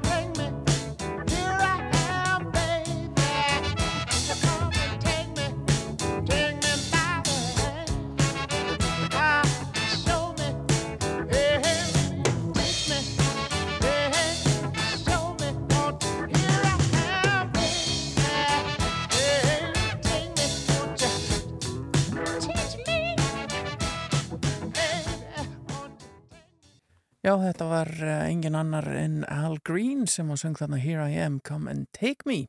Einmitt. En hún er komininga til okkar Steinun Þorðardóttir formaður Læknafélags Íslands og ástæðin er svo að Læknafélagið hefur gert alvarlegar aðtöðarsamdi við drauga frumvarpi til útlendingalaga þar sem lagt er til að hægt sé að skilda hælisleitundur í lækniskoðun svo greiða megi leið stjórnvalda til brottvísunar þeirra. Verður velkominn Steinun. Takk fyrir. Segð okkur aðeins frá ykkar svona andmælum við þessa lagabreitingu. Já, einmitt eins og þú komst bara inn á sjálf núni upphafið þá í þessari 19. grein eins og hún er sérst, orðið að þá er lög, lögreglu gefnar mjög ríkulegar heimildir til að skilda fólk í ímis ingripp, sínatökur, líkamskoðun og fleira og eins til að aðfenda sjúkraskrárgögn sem eru þetta viðkomar trúnaðarupplýsingar. Mm -hmm. Þannig að það sem náttúrulega bara blasir við okkur þegar við sjáum þetta uh, uppálega er að þetta stangast algjörlega á við síðareglu lækna og síðareglu lækna miðast að því að að við halda trúnaði læknis og sjúklings. Og eins og við komum inn á í okkar aðtöðasemt þá sagt, eh, hljóðar genfar yfirlýsing alþjóðafélagslækna þannig að sagt, læknirinn er bundin af því að hafa helsu sjúklinga sinna að leiðaljósi framar öllu öðru. Emitt. og við veltum fyrir okkur hvernig þetta tvent getur farið saman og sjáum í rauninni algjörlega ómöguleika þarna mm. fyrir okkur að ef að þetta verður að lögum að þá þurfum við í rauninni eða erum þá sett í þá stöð og þurfum að velja á milli þess að fara að landslögum eða að alþjóða siðareglum lækna. Mm. Þessi lækningsskoðun, hún snýst kannski ekki endilega um, um þetta, þennan kjarnan sem þú nefndir að heilsan sé fyrirrumi heldur er einfallega að vera greiða leiðina til þess að vísa fólki burt úr landinu. Einmitt og þetta er náttúrulega hópur sem við vitum að innan hans eru mjög margir í gríðarlega viðkvamri stöðu, hafa upplifað mjög erfiða hluti í aðdraganda komu hinga til lands og fyrir utan þetta sem ég var að minnast á þá sjáum við líka ekki að það sé auðvelt fyrir lækni bara að vota það ykkur sé færum að fara tilbaka kannski í mjög ótryggar aðstæður. Mm. svo því sé bætt við. En eins og þú segir auðvitað er kjarnin þarna og þetta er okkur auðvitað heilagt læknum. Og við verðum og hérna við verðum að lúta okkar siðareglum og ég held að almenningur og okkar sjúklingar tristi því að við séum að vinna heilundum fyrir þeirra helsu og þeirra besta mm -hmm. en ekki að einhverjum öðrum markmiðum. Mm. Sko, hvað með hérna, hvernig hefur þetta verið núna? Hafa læknir ekki verið í þessari snúnu stöðu fram á þessu? Ekki á sama hátt og ekki með þessa lagastóð. Nei. Þannig að þannig erum við, og eins og það hafa komið að máli við mig læknar í, eftir að þessi drög sem litur dagsins ljós og beinleginni sagt, ég menn þetta gerir mér bara ómögulegt að starfa sem lækni. Já. Þannig er ég í algjörlega ómögulegri stöðu. Og svo ég fá að vitna líka bara mjög svo áhugavert sko í þessum kódex etikus sem við undirritum þegar við útskrifumst úr læknadeilt, öll sömul, að það er megin regla nummer eitt, svo hún sé bara höfð eftir, að hafa mannverðingu ávalt í fyrirrúmi, það er velferð, mannhelgi og sjálfræði sjúklinga. Mm. Og eins og ég segi, ég minna það hlýtur að vera algjörlega augljóst að þetta gengur ekki upp. Heldur þú að þarna séu stjórnvöld einfallega bara ekki að sína sko ykkar siðareglum og svo framvegs bara skilningi eða ég er bara hreinlega þeirri stöðu sem að, að þessi sko þessi, mm, þetta laga ákvaði eins og það likur fyrir í frumaströgum, það er ekki búið að samþykja það uh, eins og það hérna, já, sett fram að það bara sín ekki til skilning hvernig starfa ykkar er. Já, maður velti því fyrir sér og ég bara ætla mér, eða ætla sérst að að vona það að þetta sé vanhugsað og að okkar aðtjóðasemtir verði tekna til greina og það hafa fleiri stíi fram með svipaðar aðtjóðasemtir e, eftir að þetta sagt, byrtist í samráðskátt stjórnvalda þetta, þessi drög. Þannig að ég ætla bara að vona það að þetta hafi ekki verið hugsað til enda og þar með talið með tilliti til okkar séðaregluna mm. og eins þá nutu við svolítið um það að Þarna er verið að tala um að viðurkendur helbriðistarsmaður eða annar aðili geti framkvæmt læknisrannsókn eða helbriðiskoðun. En það er ekki útskýrt frekar hvað það þýðir, annar aðili? Annar aðili, nei og þetta finnst mér gríðarlega opið og ég áttam ekki al, al, almenlega á því hvað er átt við eða hvaða annar aðili er hafður þarna í huga. Þannig að auðvitað getur bara læknir framkvæmt læknisrannsókn, ég held að það væri algjörlega augljóst Og hvað heilbriðisrannsókn varðar þá er það nú yfirleitt líka læknar eða þá annað heilbriðistarsfólk sem er til þess mentað og hefur til þess þjálfun. Mm -hmm. Þannig að hvaða annar aðil er þetta? Mhm. Þetta er náttúrulega alltaf opið og, og ég áttum ekki á því hvað menn er að hugsa með, með því að bæta þessu þotnin. Nei, sko hvaða væntingar hafið þið til þess að, að stjórnvöld treinlega hlusti á, uh, ég meina Læknafélag Íslands er mjög virt félag, Mm. hvað, hvað, væntingar hafið þið til þess að stjórnvöld hlusti á þessar aðtáðsendir ykkar því að þið gerir mjög alvarlega aðtáðsendir við þessi frumarströg. Já, við höfum bara, ég ætla bara að gera mjög mikla vendingar um það að þarna hafi í rauninni bara ekki verið hugsað nægilega langt og menn muni draga þetta bara algjörlega tilbaka. Að vera að blanda þessi trúnaðarsambandi læknins og sjúklings, sjúkraskrar gögnum, jáfnvel uh, leggja á fólk íþingjandi inngrip, uh, það sem að þeirra heilsa er ekki það sem að er sem sagt, í fyrirrúmi og ekki markmið þessara aðgerða, að þetta verður bara algjörlega dreigið tilbaka. Það er það sem að við erum að fara fram á. Mm -hmm. Já, þetta er virkilega forvöldnilegt. Um, sko, næstu skref hjá ykkur í þessu máli, ætlið þið að, hérna, ætlið þið að fá fund með dómsmálaráður eða, eða hvað gerir þið? Já, nú fer þetta náttúrulega til umfjöldin að þetta er í vinslu í dómsmálaráðanitinu þannig að við munum bara fylgjast mjög grannt með ferlinu og munum auðvitað þrýsta ef við þurfum þess í framhaldinu. Steinun Þorðóttir, formaður Læknafélags Íslands, takk kærlega fyrir komuna í morgunúttarfið. Takk fyrir.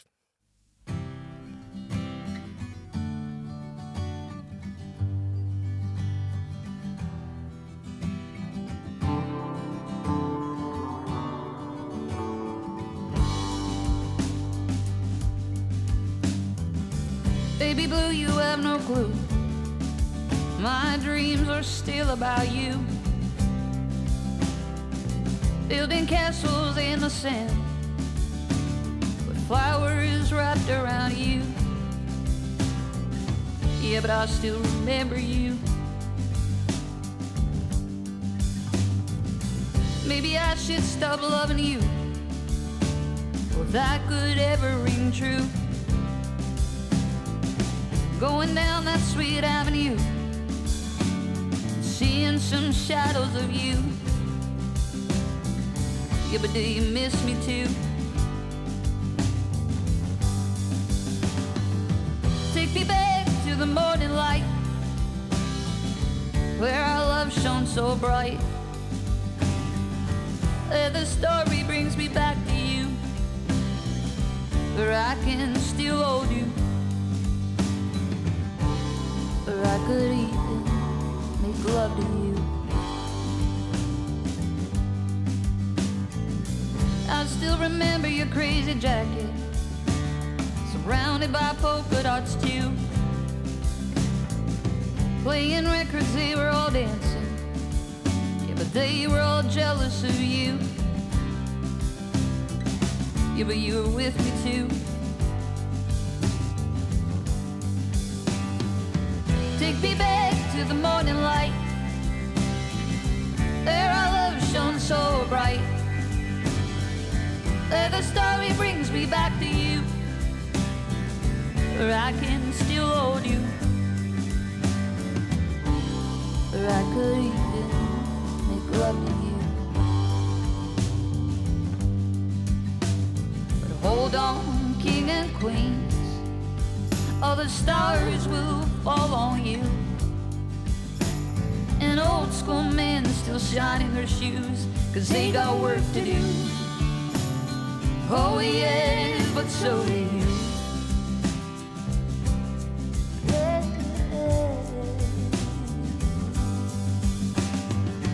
Take me back to the morning light, where our love shone so bright the story brings me back to you, where I can still hold you, where I could even make love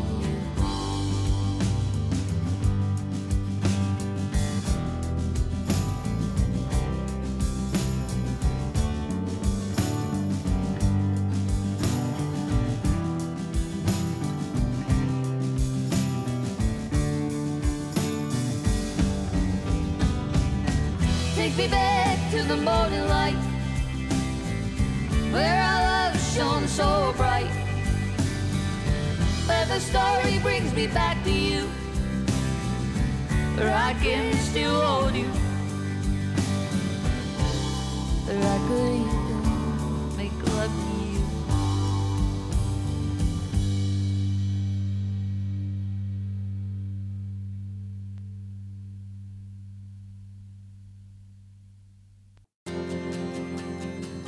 Þú ert að hlusta á morgunútvarpið. Á Rástvö.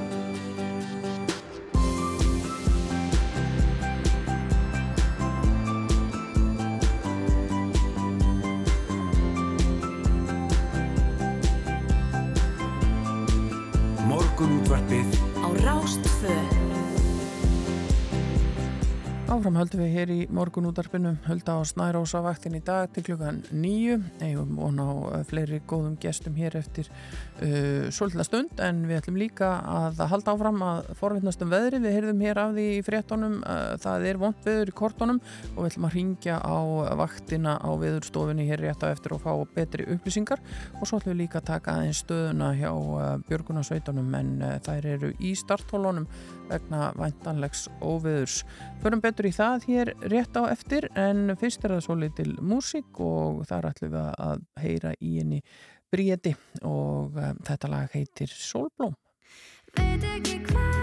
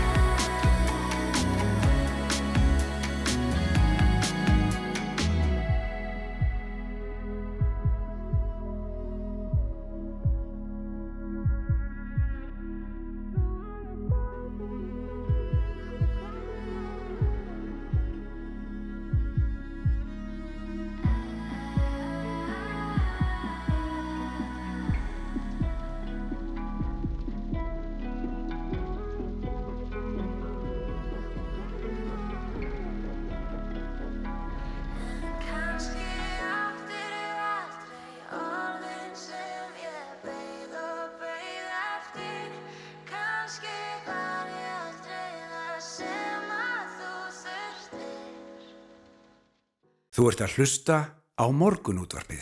Jú, jú, okkur hér í morgunúþarpinu er farið að lengi eftir vorunu en það er nú einhver byggði það enn og uh, einhver stórkostlega lægða la- nálgast landið svona í þessum tölu Enn eina ferðina. orðum enn eina ferðina. Hún er komin á línuna hjá okkur vakthafandi veðurfræðingur á Veðurstofu Íslands, Elinbjörg Jónasdóttir, góðan daginn. Góðan dag. Segð okkur hvernig standa máli núna varandi þessar viðvarnir sem þið eru búin að gefa út fyrir kvöldið. Uh, já, ég hef nú engu breytt frá því ég mætti að vaktina klukkan sjö. Ég er, svona, er bara að býða eftir að það hérna, týnist inn í er spár til okkar. Ég vona þeim svona hvað hverju en, en það sem að er komið inn sýnir nú sko, tals, svona litla breytingar uh, og veðrið er ennþá bara uh, sem sagt mjög slæmt með að við spannar. Það sem að hefur breyst og, og það sem að ég þarf að breyta í viðvörunum er sannilega að uh, flýta þeim örlítið. Já. Þannig að veðrið verður orðið mjög slæmt strax sko upp á klukkan átján á Suðvesturlandi.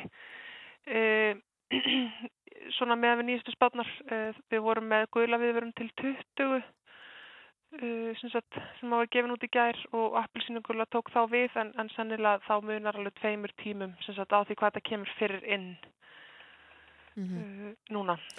Appisningur viðvörun hér á höfuborgarsvæðinu, þýðir það að fólk eigi helst ekki vera ferli og ég vil þá bara fara snemma heim á vinnunni eða hvað? Já, við hefum svo eftir að endur skoða, sem sagt nú endur skoða ég hérna líka viðvörunagildi þegar að kemur hérna koma nýjar, nýjar spár, þannig að þær, þær verða allar uppfærðar fyrir hádegi. Uh, sko, það er auðvitað það sem við erum að horfa núna er að það verður mikið kvassviður af austri en ekki síður og það er sko mjög mikil úrkoma sem að fylgir þessu kerfi og það verður sko líklega rigning uh, að megninu til, sérstaklega svona vestar í borginni þar sem að, að byggði er lægra sko og síðan sko snjókoma í efri byggðum. Þannig að það þýðir í raun og veru í efri byggðum verður blind bylur og, og mikill vasselgur sko þegar að bráðna allir þessi ruðningar og skapla sem eru annar staðar. Þannig að ég myndi nú mæla með því ef að fólk getur verið komið heim til sín sko áður en að veðrið fer að vestna mikið þá náttúrulega hjálpar það líka bara til við að allt gangi smurt hjá þeim sem að verða að vera á ferðinu. Þú veist, sömur er að vinna til sjö eða, eða eitthvað slikt sko Já. og hafi ekki tökað því að vera heima. Þannig að þau sem það geta ættu helst að vera komin heim, já. Já, ég var að horfa á einhvern kort uh, sem að var bara allt appisínugult. Er þetta bara um all land, þetta viður? Já, það gengur semst upp að vestuströndinni fyrst og gengur síðan til norðurs yfir land og, og hérna og það verður verst líklega svona rétt um eða um miðinætti eða, eða aðeins fyrr á norðan og austanverðu landinu. Og þá erum við að tala um alveg 20-30 metra sekundi líklega, allavega 20-28 og 30 svona til fjalla þannig að fjallvegir verða meira og minna ófærir vendalega meðan þetta gengur yfir. Og auðvitað er þetta vindræði sem að enginn ætti að vera úti í sko, svona þessi efri mörk á þessum vindræða og hérna og síðan sko klárast það nú megninu til í nótt en á Suðvesturlandi að þá fáum við sko það sem að heitir svona afturbeigðu skilinu þess að halinn suður af læðinni gengur líka inn á land hérna á Suðvesturhóttinu þannig að í fyrramálið, þess að þriðdagsmórni að þá verður mjög hvers vestanátt með úrkomu og jæljum og miklum sjáargangi sem sagt bæði við Suðuströndina á Reykjanesi og hér á Hauðborgarsvæðinu og við erum að faksafló. Þannig að hérna, við svona, þetta er ekki alveg búið hérna Suðvestanlands þó að, þó að veri klárist að mestu leiti annar staðar á landinu. Eru til eitthvað vísinda baku það Elín, akkur svona læðir og vond veður ganga alltaf yfir eitthvað inn á nóttunni þegar að... Einmitt það sem ég var að hugsa. Hvað er það? Nei, já, það er, það er nú bara svona hafa glappa sko. En, en það er auðvitað til tryggvísindum af hverju þetta gerist þessum árstíma hins vegar. Já, með mitt.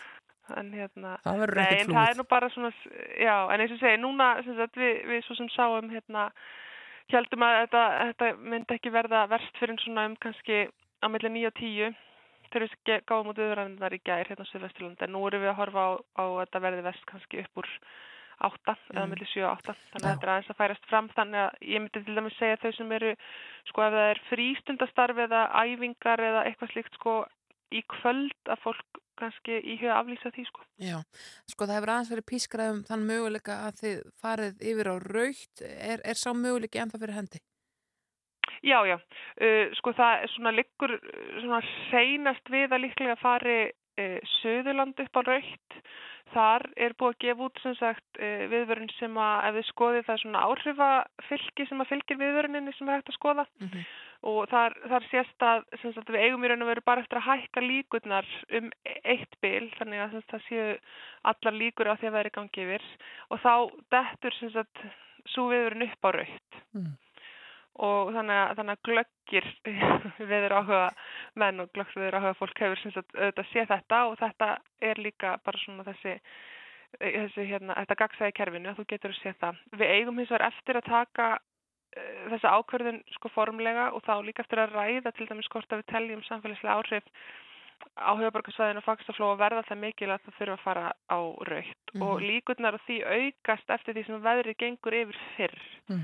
Þannig að það eru, lík, það er meiri líkur af því núna heldur en í gær vegna þess að veðrun hefur flýtt aðeins. En þess vegna er ég að býða eftir þessum nýju kerslum til þess að taka það samtal við almannavarnir því að við viljum náttúrulega nota Einmitt. gögnin.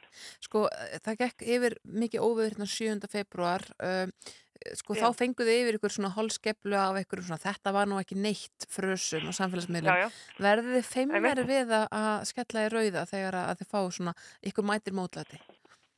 Nei, nei. Nei, nei, Nei, það, er, það er kerfi, það er alveg kerfi á bakvið þetta og hérna og þetta er gert í samráði sko fjölda veðfrænga og almannavarna og annara hagsmunaðila sem að, sem sagt, að málinu koma.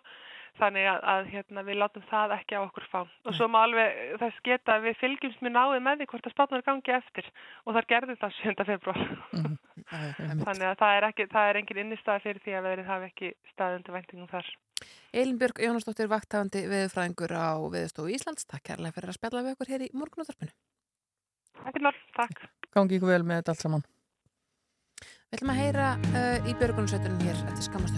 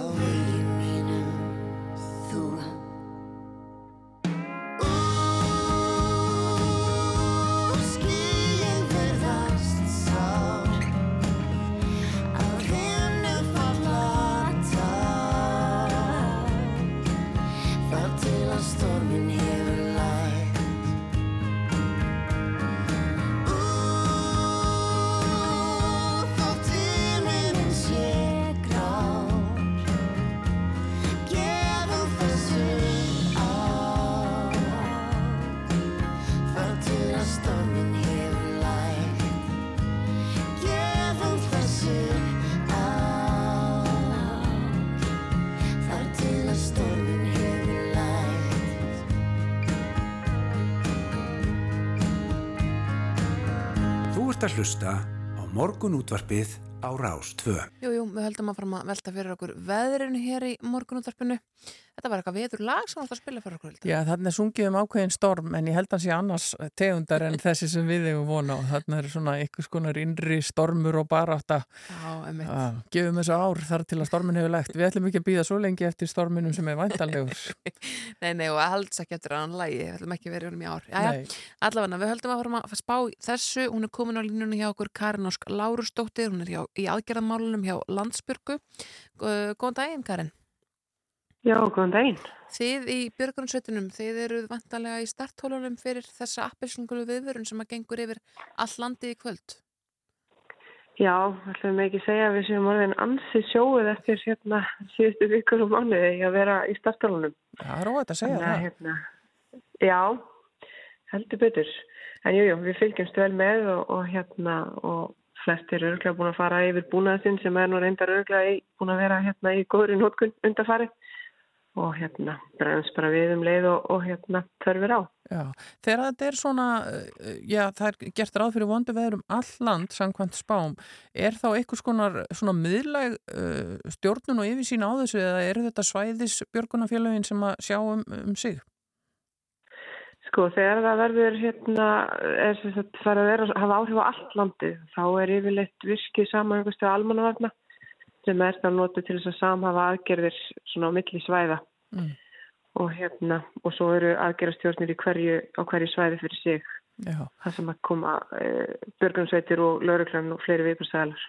Nú er þetta margt sem við getum gert sjálf til að reyna að koma í veg fyrir tjón. Áttu ykkur góður ráð fyrir eh, fólk svona til þess að leta björgunarsveitunum lífið? Herðu, eins og staðinir í dag og með viðspana þá hveti fólk myndið til þess að reynsa frá niðurföllum og svona svo hérna það safnist ekki saman vatn og verði vastjón. Uh, ég á, gerir fastlega ráð fyrir því að flestir séu búin að taka um trampolínu með trampolínu sín Já. eftir tíðafarið. Þeir sem ekki eru búin að því, þau eru farin. Já, þau eru farin eitthvað og, hérna, og, og við þurfum ekki að leita að þeim en, en það er bara, já, tryggja þessa lausa munni sem geta, geta fókið. Já, já emitt. Það er alveg. Sko, er komin einhver þreita í mannskapin?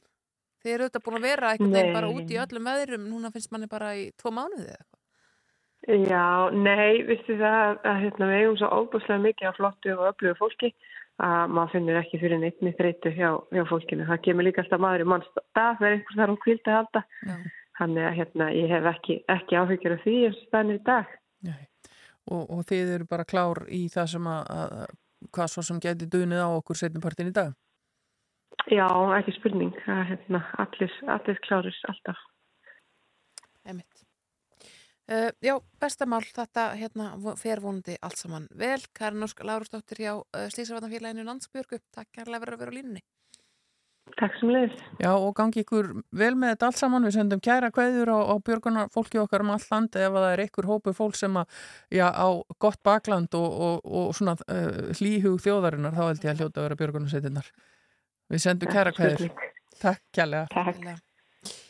Það er svo sem allt bara tjóður að niður á svölunum með mér. Já. Við höfum verið að nota, prófa það í, í hérna vetur. Og það hefur bara gengið í, í þessum veðrum sem hafa verið í gangi. Maður með fer alltaf út, hann er svona, hann er bóndasónur úr skagaferði, hann fer út og svona tryggir aðeins reypin svona fyrir óverinn til þess að við, passa allt sé fast frá Já. síðasta óveri Já. og þetta er bara gengið mjög vel, einhverju sveitarnútar sem hann bara halda öllu föstu. Já, það er um að gera, að, að gera rástafanir eins og, og það er nefndu hér báðar uh, viðfræðingur og, og, og björgunarsveitar kona að uh, það eru niðurföllin. Ef að þau er ekki á kafi undir snjó að reyna að komast að þeim og reynsa frá þeim til þess að koma í veg fyrir uh, já, bara þessi vastjón sem geta orðið í miklum leysingum. En við fylgjumst áfram með þessu hér auðvitað á Rástvö og í fréttastofunni hjá okkur í allan dag. Við ætlum að heyra eitt lag áður en við fáum næsta gest til okkar og frétta yfir lit klukkan hálf. Þetta er uh, breska hljónsutin Suede og lag sem heitir Beautiful Ones.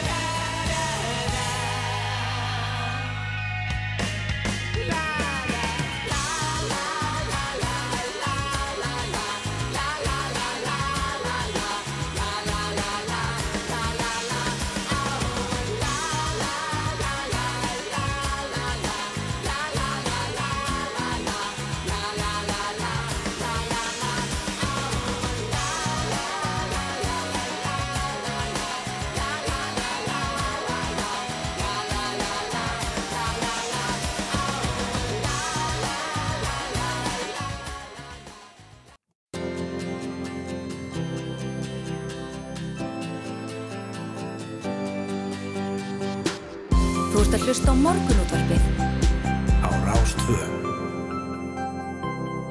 Já, framhöldu við hér í morgunútarpinu minnum eh, enn og aftur á þessar veðurviðvaranir sem er í kortónum og, og við heyrðum hér áðan af því að það lítur út fyrir að vonda veðri komi fyrr en áætlað var og kannski ágætt, uh, hún nefndi það hérna viðfræðingur á vakt áðan að, að þau sem að standa fyrir frístundastarfi eða íþróttæfingum eða öðru slíku setjumpartinu og í kvöld að, að ég bel að skoða það að, að aflýsa því eða breyta Já, engin, engin bumbubolt í kvöld.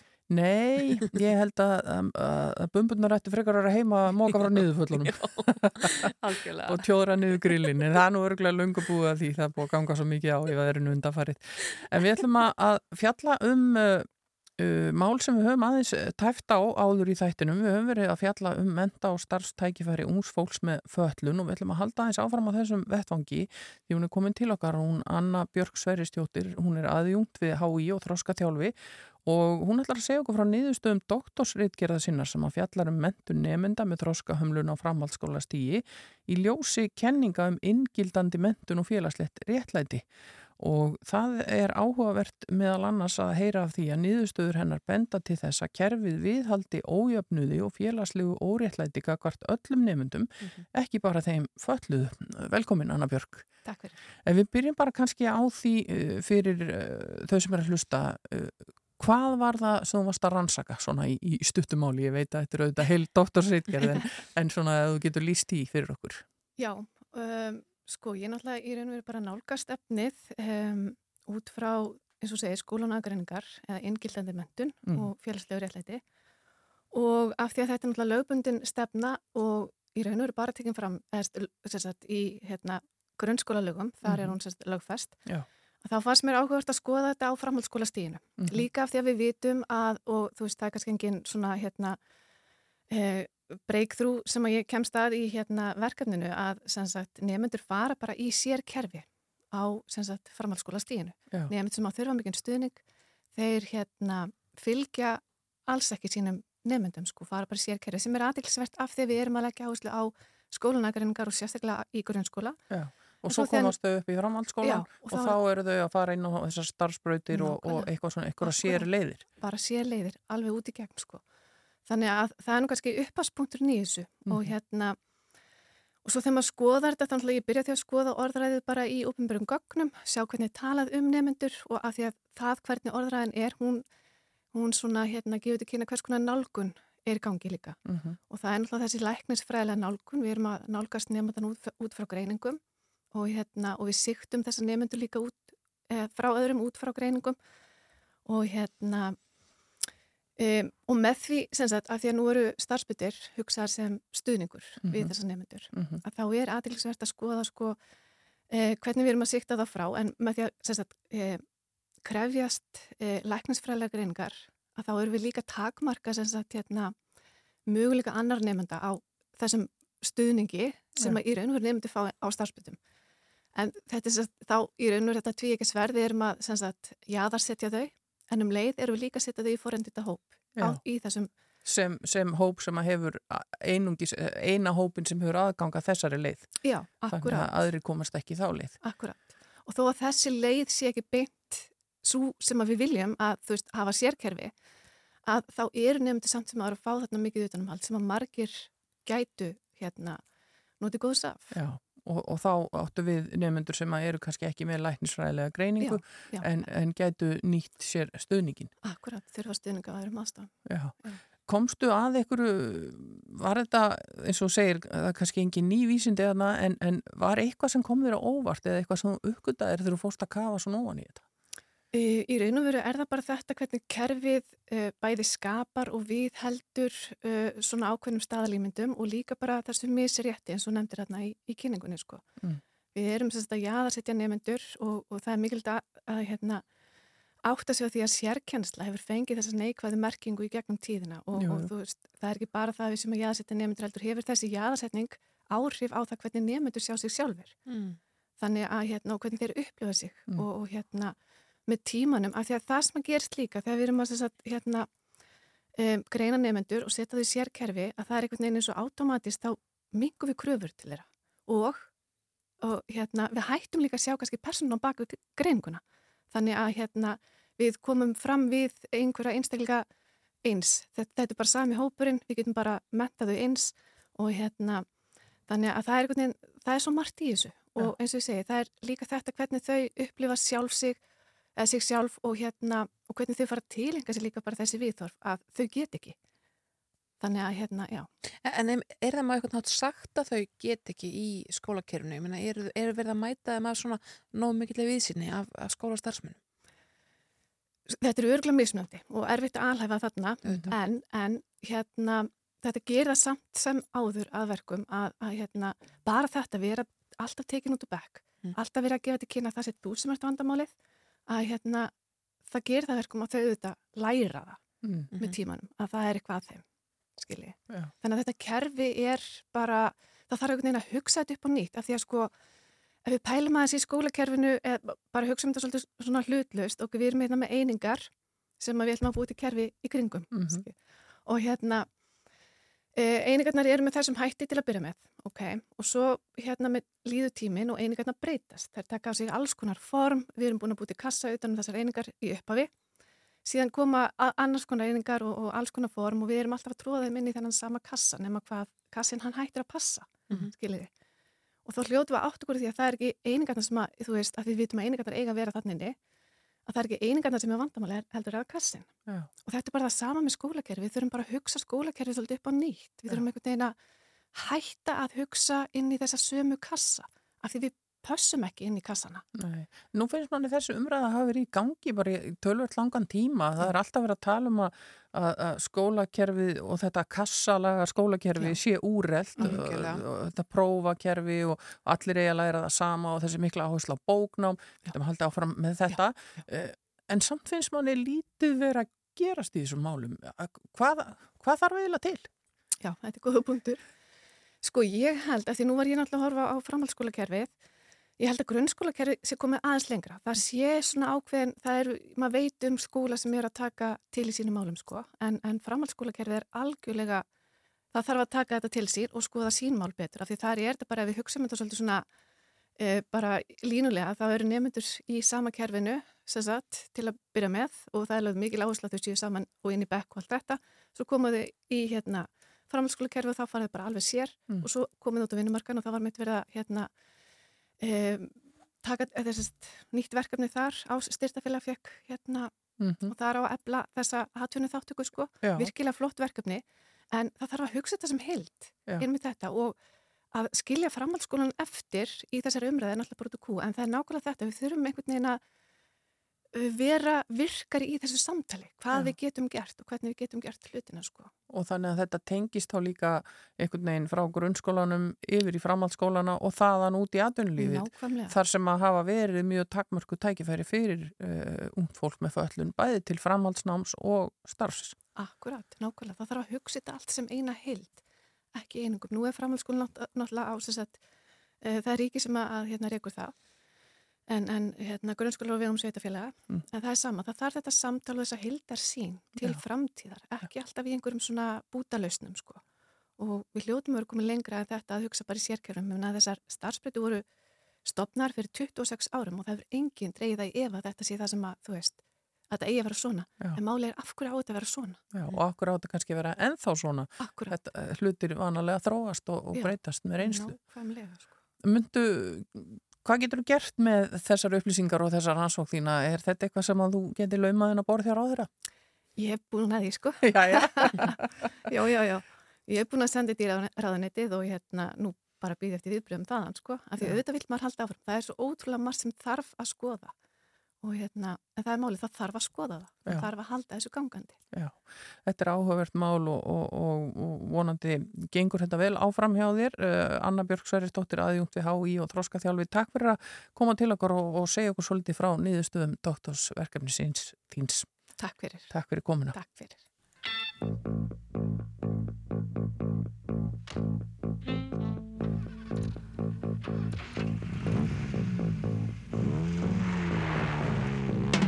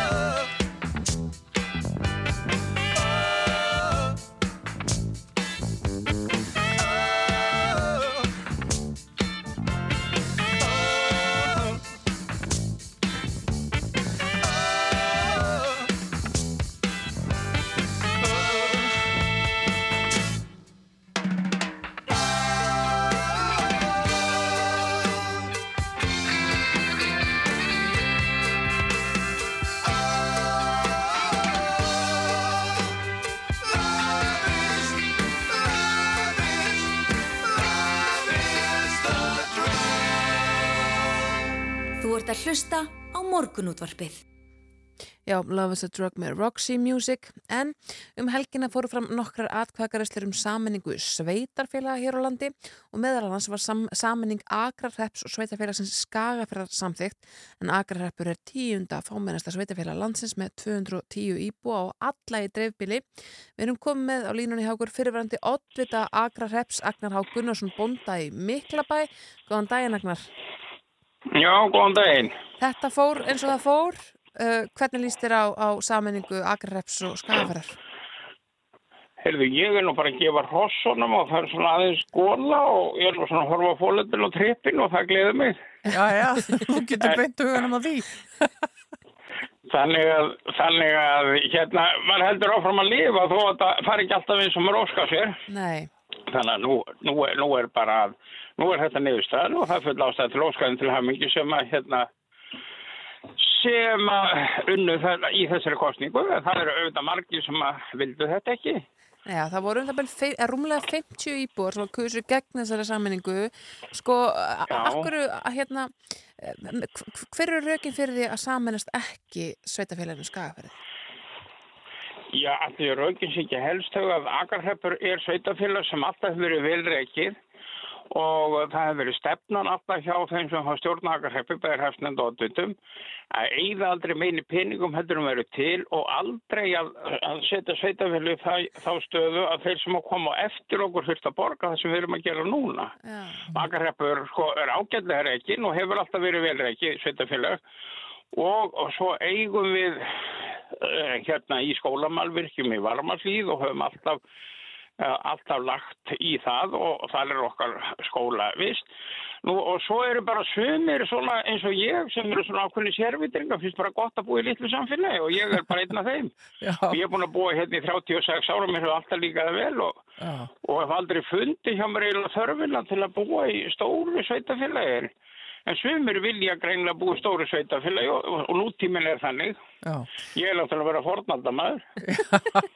En þú ætlar ekki að ganga jafn langt og, og rúni júlheitin sem að hótaði að flytja frá Keflavík þegar Reykjanesbær var til og, og það nafn var tekið. Þú ætlar ekki að flytja í burtu? Sko Miklibær hefur alltaf verið á Miklibæ. Þannig að, þannig að ég er sko búin að búa hérna eins og ég sagði á þeim 36 ára og ég, þetta plaga mig ekki svo mikið að ég, ég sé eitthvað með eitthvað flóta til runnin. Nei, nei, nei.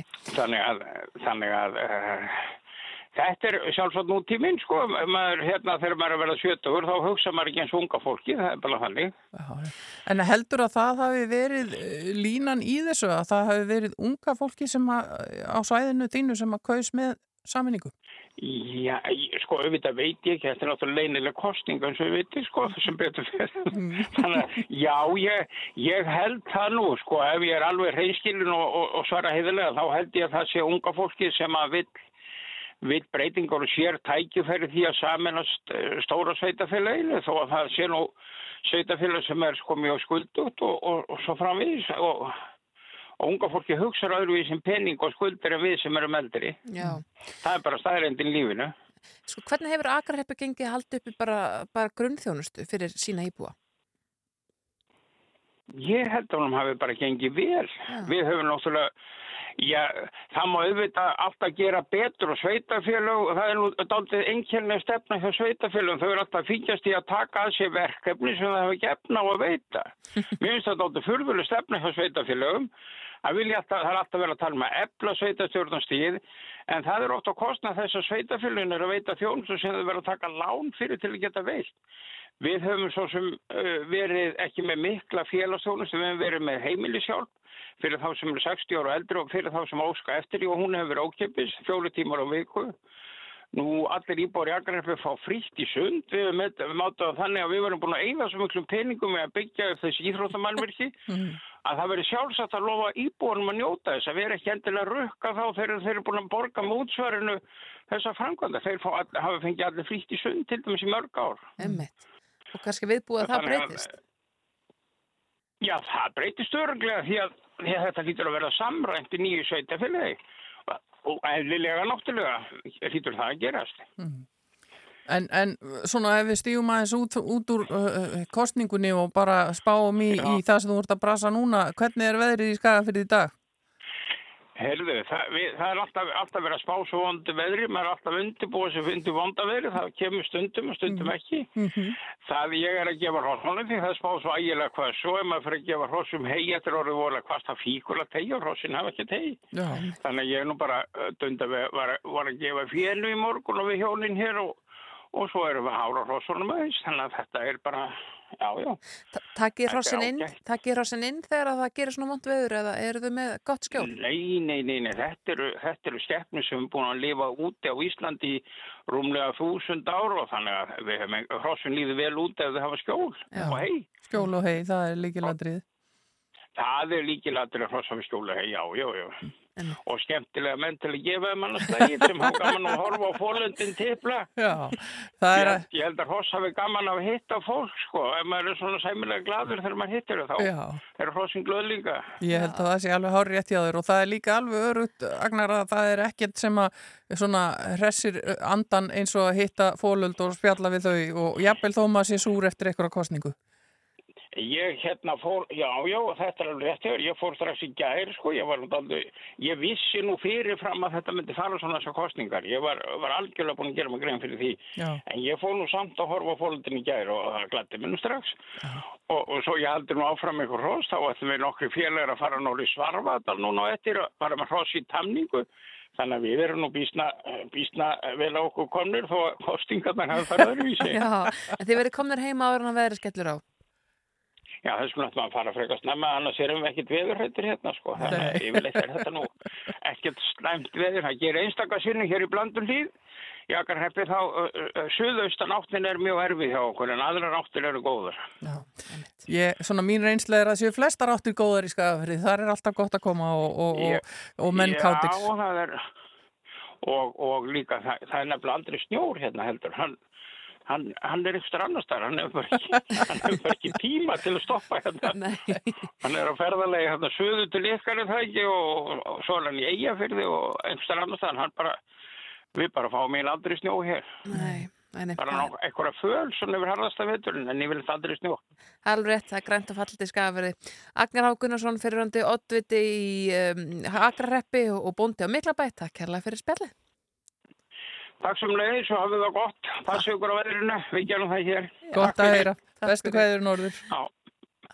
Virkilega gaman að heyra í Agnari á Miklabæ. Hann er alltaf hress og, og tekur þessu á stóiskri ró og, og veit sem uh, margir vita að besta sálu hjálpin er í, í hrósunum. Ég, ég þekki það. Ég er að lesa hérna Wikipedia hulda að elsta heimildum kirkju á Miklabæi fyrir 1234 Já. en Sturlungu segir frá því að þá létt Kolbjörn ungi vega þar Kálf Guttonsson og Guttonsson hans. Já. Yes, Miklabæi kom bara hennilega tölvöld við sögu og Sturlungöld engum í örlistaða bara dagðu þetta. Jú, jú, það er að kynna sér þessa sögu betur og auðvitað alltaf gaman líka bara að, að renna þarna heim í hlað þegar maður á leiðum skagafjörðin. En við ætlum að vinda okkur í eins og eitt lag og svo fer þetta nú að stýttast í annan endan hjá okkur.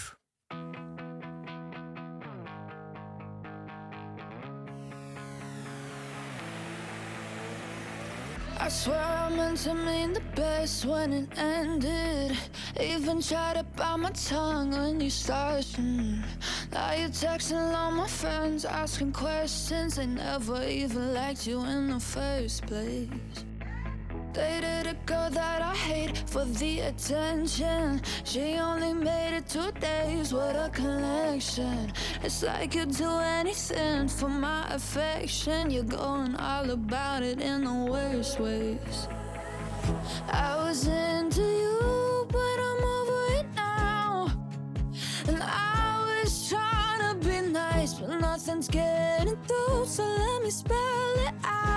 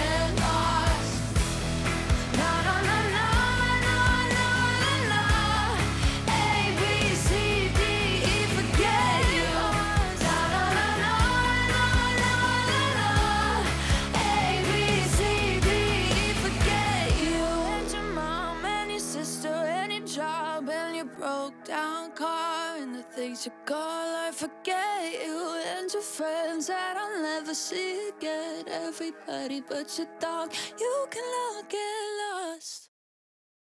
Jú, jú, þetta er eitt af þessum lögum sem hafa verið hér eh, með þeim allra vinsalustu undarfarnar vikur á rásinni okkar og uh, þetta er þetta Geil heitir flytjandinn og lagið ABCDE og í útasútgáfinni Forget You Já, einmitt. Það heitir ABCDEFU og fólk getur bara svona fyllt í Þetta þarna. fyllt, fyllt í eðunar nákvæmlega en við spilum ekki svoleiðis, Nei, nei. ekki nema óvart á en Já, það gerðum við ekki núna Nei, nei, en hérna þetta lag er mjög vinsalt á TikTok, sprakk algjörlega þar út í upprunlega útgáfinni. Já, að margir sem er að komast þá leið einhvern veginn inn í bransan í dag bara Rosalega. ná að slá í gegn á TikTok og, og fara þaðan en uh, er nú bara komið að lokum hjá okkur snærós búið að vera óskup skemmtilegt og fróðlegt í morgunútarpinu í morgun eins og alla daga Já, við fjallum aðeins um nýtt hlaðvarp sem að félag fósturfóreldra er að setja í loftið á 50 daginn. Það er að fjalla um allt sem að, að þar er helst. Svo feng, fengum við til okkar Eddursvi Pálsdóttur uh, uppnáða þreytta eftir tímamismunin frá Peking. Jú, jú, og, og ímislegt fleira við hvetjum ykkur til að kíkja bara eftir því inn á rú.is ef að þið mistu af ykkur hjá okkur. Það er allt efni þáttarins komið þar hinn fljótlega þætti loknum og svo þetta eldri þættir þar líka og ímislegt fleira. Það er ekki eins og þessi bara við sem erum að setja eitthvað inn þarna. Nei, en svona, þú veist. Já, en Alli Már Steinarsson tekur við hér með morgunverkin eftir smá stund. Fyrst eru það fréttir klukkan nýju og uh, svo heldur Daskar hann áfram í dag